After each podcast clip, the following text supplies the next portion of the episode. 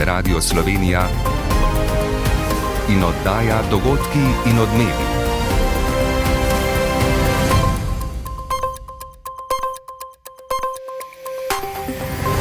Ura je 15 in 30 minut.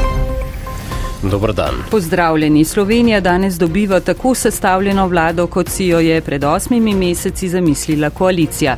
Kot je pojasnil premijer Robert Golop, je devet kadrovskih predlogov, torej ministerskih kandidatov, del preoblikovanja vlade. Z namenom uh, doseganja in, uh, novih, čočede strateških prebojev in pa odgovarjanja na strateške izzive današnjega časa. Državni zbor je preglasoval veto državnega sveta in potrdil spremembe zakona o finančni upravi s spornim pooblastilom o tajnem sledenju z napravami GPS le na podlagi sklepa predstojnika finančne uprave in brez zunanjega nadzora. V novično potrditev so omogočili poslanci Levice Milan Jakopovič. Ob dogovoru, da hkratni sporni 18a člen s predlagateljem, torej vlado, ne mudoma pošljemo v ustavno presojo s predlogom za zadrževanje njegovega izvajanja. Zdravstvena blagajna je imela lani skoraj 4 milijarde evrov prihodkov, leto pa je končalo 133 milijoni evrov primankljaja. Med odhodki so se najbolj povečali izdatki za bolniške odsotnosti. Danes mineva 11 mesecev od začetka ruskega napada na Ukrajino. Zahodne zaveznice so še vedno neenotne glede pošiljanja tankov v pomoč. Po nekaterih ocenah bi jih ob morebitni spomladanski ofenzivi Rusije potrebovala približno 300. Popovdne bo po večini oblačno, padavine se bodo znova razširile nad večji del Slovenije. Z vami sva Biljana Polak in Tomaš Polak. Vlada bo od danes naprej po osmih mesecih le začela delovati v obliki, kakršno so si zamislili v koalicijskem trojčku Gibanje Svoboda, Socialni demokrati in Levica. Načrte pa jim je najprej s posvetovalnim, nato pa še z zakonodajnim referendumom poskušala prepričiti SDS. Vlada bo po potrditvi devetih ministric in ministrov imela 20 resorjev, od teh so trije popolnoma novi, druga imenovanja pa so posledica sprememb področji dela nekaterih resorjev in dejstva, da so nekatere vladne službe ponovem tudi ministerstva sredstva. Glede na razmerja v državnem zboru potrditev sicer ni vprašljiva. Dogajanje v državnem zboru spremlja Tomaš Celestina. Dobr dan. Ja, dobr dan. Kaj je o seznamu devetih imen povedal predsednik vlade Robert Golob?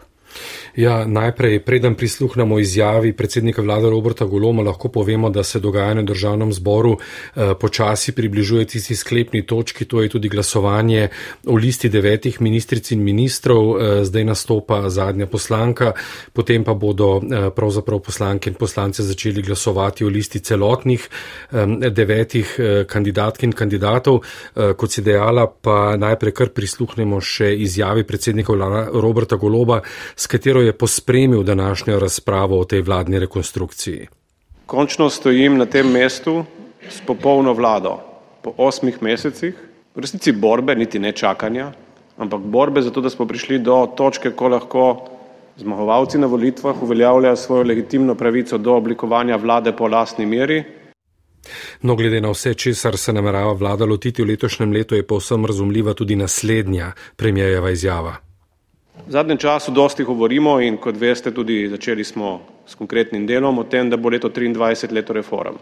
Leto reform, v katerem bomo izpeljali tisto nujno preobrazbo naše države, če hočete modernizacijo, ki je naravnana dolgoročno. In ravno tri nova ministrstva bodo nosilci treh pomembnih reform. No, pa ob tem omenimo tri nova imena, ki bodo v vladi in sicer Simon Maljevac kot ministr za solidarno prihodnost, Darjo Felda kot ministr za vzgojo in pa Alenka Bratoše kot ministrica za infrastrukturo. V novično potrditev bodo dobili Matjaš Han, Bojan Kumar, Uroš Bržan, Igor Papič, Emilija Stojmenova Duh in Boštjan Jevšek in sicer za resorje z nekoliko drugačnimi nazivi. Na parlamentarni razpravi pa so se poslanke in poslanci ozrli tudi na skoraj 8-mesečno prehojeno pot golobove vlade. Takole jo je povzela Nataša Mulec. Koalicijski poslanci seveda s pozitivno oceno odgovorov vlade na energetsko krizo in obvladovanje cen, opozicijski pa s kritiko na račun višanja davkov in neučinkovitega reševanja težav v zdravstvu ter prepočasnega odzivanja na potrebe gospodarstva.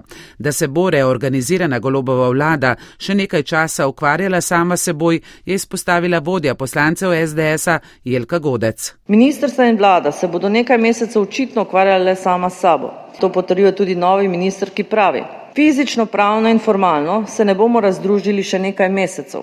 Da večje število ministerstev ne pomeni večje učinkovitosti, je dodala poslanka Nove Slovenije Vida Čadonič Pelič, a hkrati napovedala, da bo Nova Slovenija dobre predloge vlade podpirala še naprej. Skrbi pa nas, da bomo očitno na resne, predvsem sistemske predloge predolgo čakali. Koalicijski poslanci so drug za drugim zavračali očitke opozicije z enotnim sporočilom, da bodo tri stranke koalicije z 20-člansko vladno ekipo lažje izpeljale reforme na področju zdravstva, davkov, plačne in stanovanske politike, sociale in šolstva. To so zatrdili tudi vodje poslancev Borut Sajovic, Jani Prednik in Matej Tavatovec. Današnja rekonstrukcija vlade bo njeno operativnost samo še povečala. Želimo vlado organizirati tako, da bomo lahko izvedli ambiciozne načrte, za katere smo dobili mandat voljivk in voljivcev. Se ta koalicija zastavlja zelo ambiciozen načrt, za to ekipo bo to tudi možno doseči. To je bila torej poslanska razprava. Tomaš Celestina ostaja z nami. Kaj bo sledilo po današnji potrditvi sprememb ministerskega kabineta? No, po nekaterih napovedih se bo osvežena vladna posadka še danes sestala tudi že na seji. No, današnjemu dogajanju v Evropi vendarle moramo dodati še nekaj. Ne glede na besede predsednika vlade Roberta Goloba, danes osvežena vlada še ni popolnjena. Še vedno namreč nimamo novega notranjega ministra ali ministrice, saj Golob še ni povedal, kdo naj vodi to ministrstvo po razkolu s Tatjano Bobnar in pa na to po njenem odstopu. Eh, tega so takrat pospremile predvsej pomenljive besede Tatjana. Jane Bobnar v pletanju politike, svoje po slovesu iz Gibanja Svoboda dodala še Marta Kos.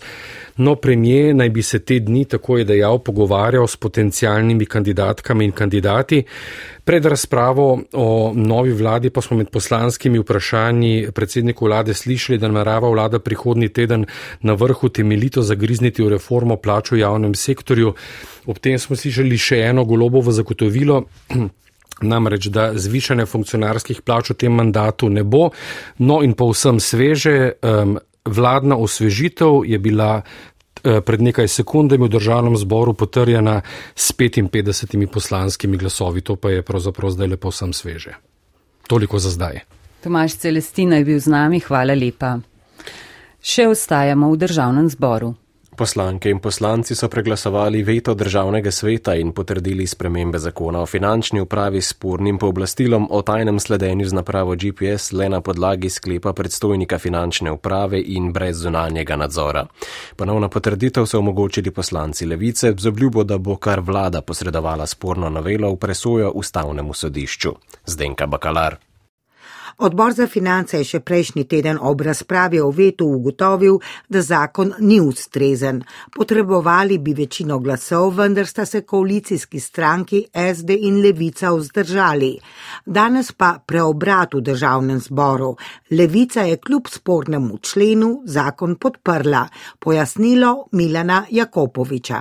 V Levici pa se zavedamo tudi svojega položaja kot konstruktivnega koalicijskega partnerja. Zato smo z Ministrstvom za finance in s koalicijskimi partnerji večkrat in do zadnjega iskali rešitve, ki bi v največji meri naslovile na te pomisleke. Hkrati pa bi omogočile sprejem in uveljavitev zakona. In kakšno rešitev so našli? Ob dogovoru, da hkratni sporni 18a člen s predlagateljem, torej vlado, ne mudoma pošljemo v ustavno presojo s predlogom za zadrževanje njegovega izvajanja. Poslanci SD-ja so se tudi pri vnovičnem glasovanju vzdržali, odločno pa so zakon podprli poslanci Svobode. Monika Pekoršak je upozorila na besede generalnega direktorja Fursa Petra Gruma, da podobno ureditev uporablja 9 od 16 držav Uniji. Zaradi boljšega sodelovanja s temi državami tudi Slovenija rabi opremo, ki bo zadovoljila potrebam tovrstnega sodelovanja. Saj je naša država trenutno na zelo slabem glasu glede preprečevanja davčnih utaj, S pooblastilom naj bi finančni inšpektori bolj učinkovito preprečevali utaje davkov pri tihotapljanju trošarinskih izdelkov, zlasti tobačnih. Ali so sprejeli ustavno sporno ureditev, pa bo na ustavnem sodišču preverila kar vlada sama. Zavod za zdravstveno zavarovanje je lani imel skoraj 4 milijarde evrov prihodkov, a je kljub temu končal leto 133 milijoni evrov primankljaja. V celoti ga bo pokril sredstvi iz lastnih rezerv. Med odhodki so se za največ, kar 43 odstotkov, povečali izdatki za bolniške odsotnosti. Tudi letos zavod zaradi negotovih razmer, med drugim zaradi pogajanj o plačah, predvideva skoraj 50 milijonov evrov primankljaja, ob tem, da v finančni načrt sploh še niso zajeti vsi stroški. Več sneža na Iljaš. Stroški za zdravstvene storitve, zlasti pa za bolniška nadomestila, so vse višji. Samo lani je šlo za bolniške odsotnosti že več kot 700 milijonov, kar je več kot 200 milijonov več kot leto prej. Razlogi pa predvsem izolacija zaradi COVID-a, skrajšanje števila dni v breme delodajalca ter dvig povprečnih osnov za obračun bolniških nadomestil. Skupno je sicer zdravstvena blagajna lani porabila 4,1 milijarde evrov, kar je 556 milijonov več kot leto prej. K temu pa so vplivali tako dvigi plac za zdravstvo, draže zdravila in zdravstvene storitve, uskladitev z inflacijo, pa tudi večja realizacija programov zdravstvenih storitev v primerjavi z letom prej. Koliko več storitev so posamezne bolnice in zdravstveni domovi dejansko opravili, ter predvsem na katerih področjih za zdaj še ni znano, ker še niso zajeti vsi podatki do konca minulega leta. Že zdaj pa je razvidno, da se čakalne dobe zaradi tega niso bistveno skrajšale. Tudi prihodnji leto bo za zdravstveno blagajno precej naporno, opozarja generalna direktorica Tatjana Mlakar zaradi gospodarskih razmer in tudi vplivov, ki ga bo prinesel splošni dogovor oziroma včeraj objavljena uredba in pa pogajanje o plačah v zdravstvu, deloma pa gre še tudi v letošnjem letu za vpliv nalezljivih bolezni COVID-19. Prav zato je za leto že predviden primankljaj v višini skoraj 50 milijonov, okoli 150 milijonov evrov finančnih učinkov pa sploh še ni vključenih v finančni načrt, zato na ZZS že napovedujejo pripravo rebalansa. Sicer pa pozdravljajo, da bodo sodelovali v strateškem svetu za pripravo zdravstvene reforme, ki se bo pri predsedniku vlade prvič sešel predvidoma ta petek. Minilo je natanko 11 mesecev od začetka ruske invazije na Ukrajino. Takrat so ji nekateri napovedovali hiter poraz, danes pa si Ukrajina prizadeva dobiti sodobno oborožitev, ki bi olajšala osvoboditev zasedenih ozemelj. Ptujska občina skupaj z Zavodom za turizem pripravlja javni del korentovanja, ki predstavlja etnografsko izročilo. Županja Ptuja Nuška Gajšek. Seveda pa je kurentovanje ali pa fašeng takšno obdobje v letu, ko se vsi radi sprostijo in malo znorijo. Festivalsko dogajanje bodo popestrili tudi koncerti tako domačih kot tujih glasbenih izvajalcev. Ameriška alpska smučarka Mikaela Šifrin je s 83. zmago postavila nov rekord v ženski konkurenci, potem ko je v Kromplacu pokorila konkurenco v vele slalomu. Edina slovenska finalistka Ana Bucik je bila 14. Več o tem v športnem delu oddaje, v katerem boste izvedeli tudi, kdo sta prva pol finalista odprtega teniškega prvenstva Avstralije. Danes je minilo 11 mesecev od ruske invazije na Ukrajino. Konflikt med državama, ki se je začel pred osmimi leti, je v minulih 11 mesecih dobil nove razsežnosti. Vojna je doslej zahtevala več deset tisoč žrtev, iz Ukrajine je pobegnilo več milijonov ljudi. Konca vojne ni videti, še več trenutno si ni mogoče predstavljati niti pogajanj, vse večja pa je skrb, da bi se lahko v vojno vključile tudi tretje države. Razmere spremljamo tej Hraster, ki je zdaj z nami v studiu. Lepo pozdravljen. Dobar dan. Beloruski predsednik Aleksandr Lukašenko je danes izjavil, da je ukrajinska stran predlagala podpis pakta o nenapadanju. V čem je namen tega in kakšni so odzivi? Belorusija že vse od oktobra skupaj z Rusijo izvaja vojaške vaje na jugu države, kar verjetno Kijevu daje določene razloge za zaskrbljenost. Poleg tega so se danes pojavila poročila, da so združene ruske in beloruske sile reaktivirale vojaško opremo iz skupnih vojaških skladišč v Belorusiji. Uradni razlog naj bi bil, da se razmere na južni in zahodni meji države zaostrujejo. Dogajanje pa bi lahko pomenilo, da se bo Belorusija v kratkem pridružila ruski vojski v Ukrajini. Kakorkoli, Aleksandr Lukašenko je odgovoril, da ne razume, zakaj sploh gre pri predlogu Ukrajine in kaj naj bi ta s tem sploh dosegla. V Ukrajini pa se dogajajo največje spremembe na vodstvenih položajih od začetka vojne. Kaj je razlog za nje? Ja, odstop je podalo več kot deset predstavnikov ukrajinskih oblasti. Najbolj znan je član kabineta predsednika Zelenskega Kirilo Timošenko, odstopili pa so še namestnik obramnega ministra, namestnik generalnega toživca ter guverneri kar petih regij, med njimi Zaporoške, Hersonske in Kijevske. Na njihov račun so se pojavile obtožbe o korupciji in poneverbah sredstev, ki jih je Ukrajina dobila tudi od zaveznic. Obramno ministrstvo naj bi naprimer močno preplačalo hrano, ki jo je kupovalo za vojake, Timošenko pa naj bi se vozil z luksuznimi vozili. Takšen škandal ni dobro znamenje za državo v vojni, ki si poskuša pridobiti simpatije zaveznic in na račun katere so že pred rusko invazijo pogosto letele obtožbe o korupciji. Kaj pa sporoča Moskva? Od tam so prejšnji teden prihajale zelo ostre besede. Eh, Vladimir Putin je imel danes sestanek z vladno ekipo, eh, na katerem ni veliko govoril o vojni, je pa med drugim povedal, da v Rusiji primankuje nekaterih zdravil in dal ministrom navodila, kako spodbuditi državljane k domačemu notranjemu turizmu. Poleg tega pa se pripravlja tudi zakonodaja, ki naj bi preprečila nepredvideno prečkanje državne meje, torej to je nov korak k zaprtju meja, morda pa je to tudi znak, da se res pripravlja nov val mobilizacije. Spomnimo, o prejšnjem je iz države pobegnilo najmanj pol milijona ljudi. Matej Hrastar, hvala za pojasnila. Prosim. Medtem se nadaljujejo pogovori o dodatni vojaški pomoči Ukrajini. Poljska je tudi uradno zaprosila Nemčijo za dovoljenje za izvoz tankov Leopard v Ukrajino. To je včeraj napovedal polski premijer Mateusz Moravecki, odgovora Nemčije pa še ni dobil. Nemški kancler Olaf Scholz ustraja, da mora biti odločitev zaveznico pošiljki tankov enotna. Berlin je danes obiskal tudi generalni sekretar Zveze NATO Jens Stoltenberg. Odločitev o pošiljki bojnih tankov naj bi bila sprejeta k malu. Kremelj pa je sporočil, da nemška pošiljka Leopard v Ukrajini ne bo prinesla ničesar dobrega. Iz Berlina Polona Fjauš. Generalni sekretar NATO Jens Stoltenberg je prišel na srečanje z novim nemškim obramnim ministrom Borisom Pistoriusom s poročilom, da je treba Ukrajini pomagati z modernejšo opremo pred spomladansko rusko ofenzivo na Ukrajino in da Nemčija tukaj igra ključno vlogo.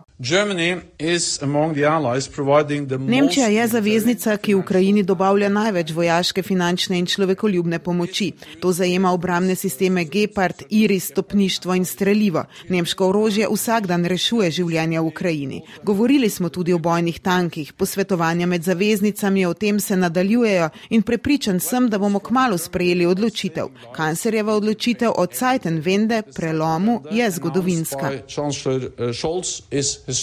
Nemški obramni minister Boris Pistorius pa je ob tem povdaril, da Nemčija z vlačevanjem odločitve, da pošlje tanke Leopard 2 v Ukrajini, ni osamljena. Slika, ki jo vedno znova predstavljajo nekateri, da v Nemčiji ni enotnosti in da je pri svoji odločitvi osamljena, ni resnična. V številnih državah poteka proces preračunavanja in petkovo srečanje zaveznic v Ramštajnu je pokazalo, da obstajajo države, ki so prav tako previdne kot je Nemčija. Kritika komunikacije kancerja ni upravičena, je zadržan, je miren in počne to, kar je vloga vodilne države, da poenoti različna stališča Leistung zusammenzubringen. In da je treba urjenje ukrajinskih vojakov za upravljanje tankov Leopard začeti takoj. Ocena je, da Ukrajina ob morebitni spomladanski ofenzivi Rusije potrebuje okoli 300 bojnih tankov. Nemčija je ocena, bi jih lahko poslala 19. Kancler Scholz pa po poročanju nemških medijev ne želi solo akcije Nemčije. Poljska naj bi bila pripravljena od 250 tankov Leopard, ki jih ima poslati 14. Slovaška in Češka naj bi bili pripravljeni odpovedati se 29 tankom, ki bi jih marca dobili iz Nemčije po dogovoru o krožni menjavi. Kancer Šolc pa ustraja tudi, da se k pošiljki bojnih tankov svojimi priključijo tudi ZDA. Zdaj pa na Japonsko. Tam rodnost upada že sedmo leto zapored, prebivalstvo pa se stara. Japonska s 125 milijoni prebivalcev naj bi imela lani manj kot 800 tisoč rojstev. Premijer Fumio Kishida je dejal, da mora država sprejeti nujne ukrepe za povečanje rodnosti, sicer dolgoročno ne bo več sposobna zagotavljati državljanom socialne varnosti, predvsem pokojnin in zdravstvene oskrbe. Država bo tako sprejela nujne ukrepe, za katere upa, da bodo vzpodbudili rodnost. Poroča Carmen Schwegel. Japonsko prebivalstvo se krči hitreje, kot so predvideli znanstveniki, k čemur je pripomogla tudi pandemija, med katero je bilo izjemno malo porok in še manj rojstev otrok. Vse od leta 1973, ko je Japonska zabeležila preko 2 milijona rojstev, rodnost ustrajno pada. Desetletje kasneje se je rodilo 25 odstotkov otrok manj, lani le še slabih 800 tisoč, kar je slaba popotnica za tretje največje gospodarstvo na svetu.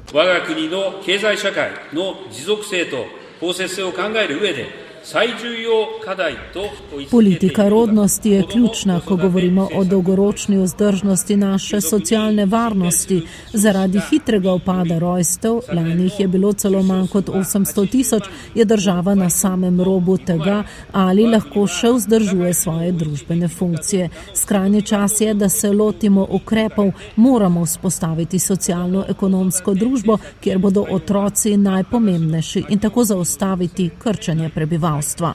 Je dejal japonski premijer Fumio Kishida in napovedal vzpostavitev nove vladne agencije, ki se bo ukvarjala s tem vprašanjem. Do junija pa bo predložil načrt za podvojitev sredstev za ukrepe povezane z rodnostjo in vzgojo otrok. Japonci, ki so znani potem, da živijo zdravo in dolgo, se soočajo tudi s staranjem prebivalstva. Kar 28 odstotkov Japoncev je namreč starejših od 65 let. Številni že zdaj dobivajo skromne pokojnine in morajo z delom nadaljevati še celo desetletje. Dogodki in odmevi. Pred bližajočo se podelitvijo preširnovih nagrad se zastavlja vprašanje, ali bo pater Marko Ivan Rupnik ob razkritju spolnih zlorab redovnic vrnil preširnovo nagrado za življensko delo, ki jo je prejel leta 2000.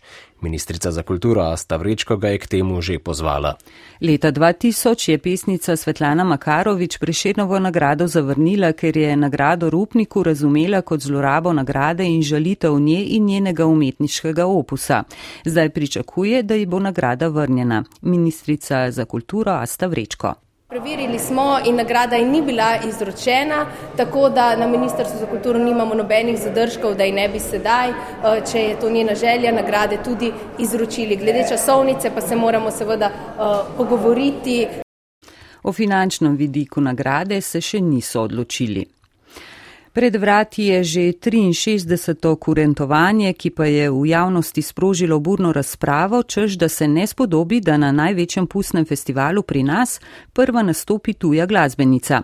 Ptujska občina si je sicer vrsto let prizadevala, da bi zaščitila blagovno znamko in ime kurentovanje za etnografski del, a pri tem ni bila uspešna. Zato se ptujsko kurentovanje že vrsto let deli na javni, etnografski in zasebni komercialni del, za izvedbo katerega je odgovoren izbrani koncesionar. Ta ob večerjih v festivalski dvorani pripravlja koncerte različnih izvajalcev, med katerimi pa mora biti najmanj 50 odstotkov slovenskih. Več Gabriela Milošič. Že skoraj deset let na Ptuju koncerti v pustnem času potekajo pod okriljem zasebnikov. Letos, po dveh letih omejitev, jih pripravlja družba Štajerski tednik. Direktor Drago Slamršek smo skupaj s sodelavci napravili anketo, kjer smo ugotovili, da si poslušalci, obiskovalci želijo še zmeraj večina tuje glasbene goste. Med njimi je bila gospa Ceca prva, oziroma gospa je dobila največ glasov, največ točk in zaradi tega vzroka smo tudi jo vrstili v program. Zasebni del je izključno komercialen in zasebnik sam izbira izvajalce.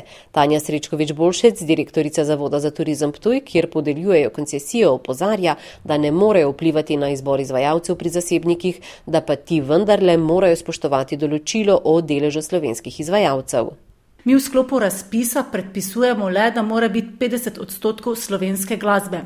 Direktor družbe Štajerski tednik Drago Slamršek. Slovenskih bo eh, več kot 70 odstotkov. Ptujska županja Nuška Ganšek povdarja, da občina skupaj z Zavodom za turizem pripravlja izključno javni del kurentovanja, ki predstavlja etnografsko izročilo. To so povorke, to so vsi tisti dnevni prikazi in vsi dogodki v starem mestnem jedru, ki pa so seveda na voljo brezplačno. Seveda pa je kurentovanje ali pa fašeng takšno obdobje v letu, ko se vsi radi sprostijo in malo znorijo. V času kurentovanja je na Ptuju poskrbljeno za vse okuse, tako za ljubitelje kulturne dediščine, kot za ljubitelje večernih zabav v maskah. Mimo grede, kurentovi zvonci se bodo oglasili že čez dober teden na svečnico.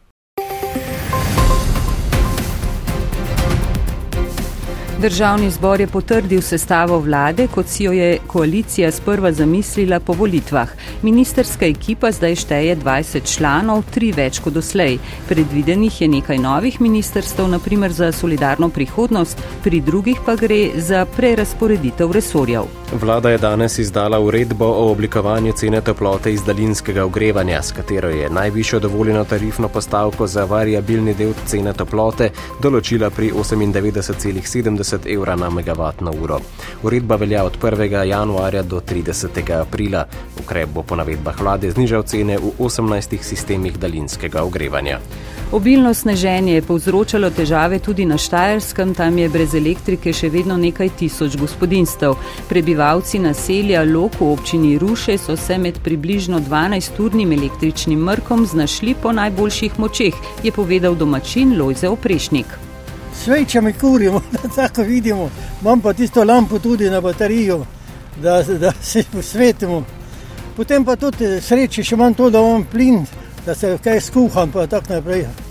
Odprava posledic snegoloma gre hitro, se pa gasilci bojijo, da bi hitro taljenje snega lahko povzročilo poplave. Znani so letošnji nominiranci za najprestižnejšo filmsko nagrado Oscar. Največ jih je dobila akcijska komedija Vse povsod naenkrat in sicer 11, z devetimi sledita drama Duše otoka, v katerem je za najboljšo glavno vlogo nominiran Colin Farrell in na zahodu nič novega, priredba romana z istim naslovom.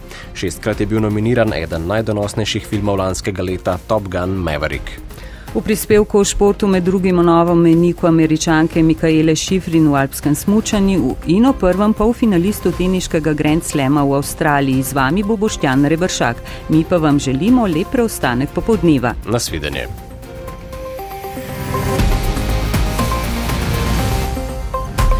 Alpske smučarke in smučari imajo precej zgoščen program tekem pred svetovnim prvenstvom. Smučarke so svoj del programa za danes že opravile. Pod Kromplacom v Italiji se znova pisala zgodovina. Mikaela Šifrin je s 83. zmago v svetovnem pokalu postala najboljša smučarka vseh časov. Do absolutnega rekorda Ingemarja Stenmarka jim manjkajo še tri zmage. Podrobneje Marko Cirman. Obe vožnji američanke sta bili znova vrhunski. V prvi je izkoristila veleslalomsko postavitev svojega trenerja, v drugi pa še z enim najboljšim časom posamezne vožnje premagala danes prav tako izjemno švicarko Laro Gudbe Hrami, ki je zaostala za 45 stotink. Po rekordni 83. zmagi v karieri Mikaela Šifrin, ki je zmago prevzela vodstvo v veleslalomskem seštevku. It's exciting, it's, I'm happy, I'm, I'm proud, I'm Američanka je povedala, da je navdušena, hvaležna ekipi in ponosna, kot je veliko krat dejala, se počuti danes, kot bi zmagala prvič in izjemne občutke zelo težko opiše. Um, Tretje mesto iz prve vožnje je obranila italijanka Federica Brignone, edina od treh slovenk na sedmem veleslalomu sezone Ana Bucik, je v finalu pridobila tri mesta in še tretjič v tej sezoni veleslalom končala na 14. mestu. Mislim, da pač v prvem teku tista napaka, ki mi je potem v bistvu v spodnjem delu vzela malo ritma, malo samozavesti, v drugo sem bila v bistvu zelo fokusirana na te pravilne položaje, pa sem mogoče malo premalo spuščala smočit čez celotno progo. Tako da treba bo pač eh, nekako tehnično zelo podobno se utrilotiti, pa proba če nekaj dodatkov v prvem teku zgoraj. Tina Robnik in Nedvornik sta bili prepočasni za finale, a bosta imeli novo priložnost že jutri, ko bo na Kronplacu zadnji veleslalom pred februarskim svetovnim prvenstvom v Franciji.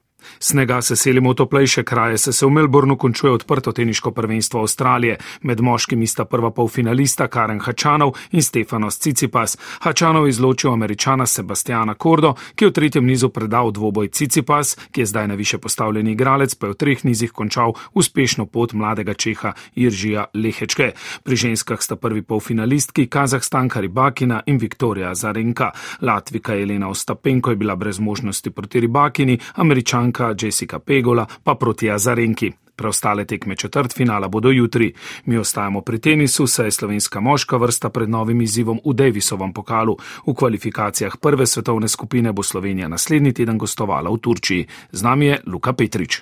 Igravke bodo imele aprila priložnost doseči enega največjih uspehov slovenskega reprezentančnega tenisa. Romunke bodo v vlogi favoriti in ključni pa bi lahko bili postavi obeh ekip.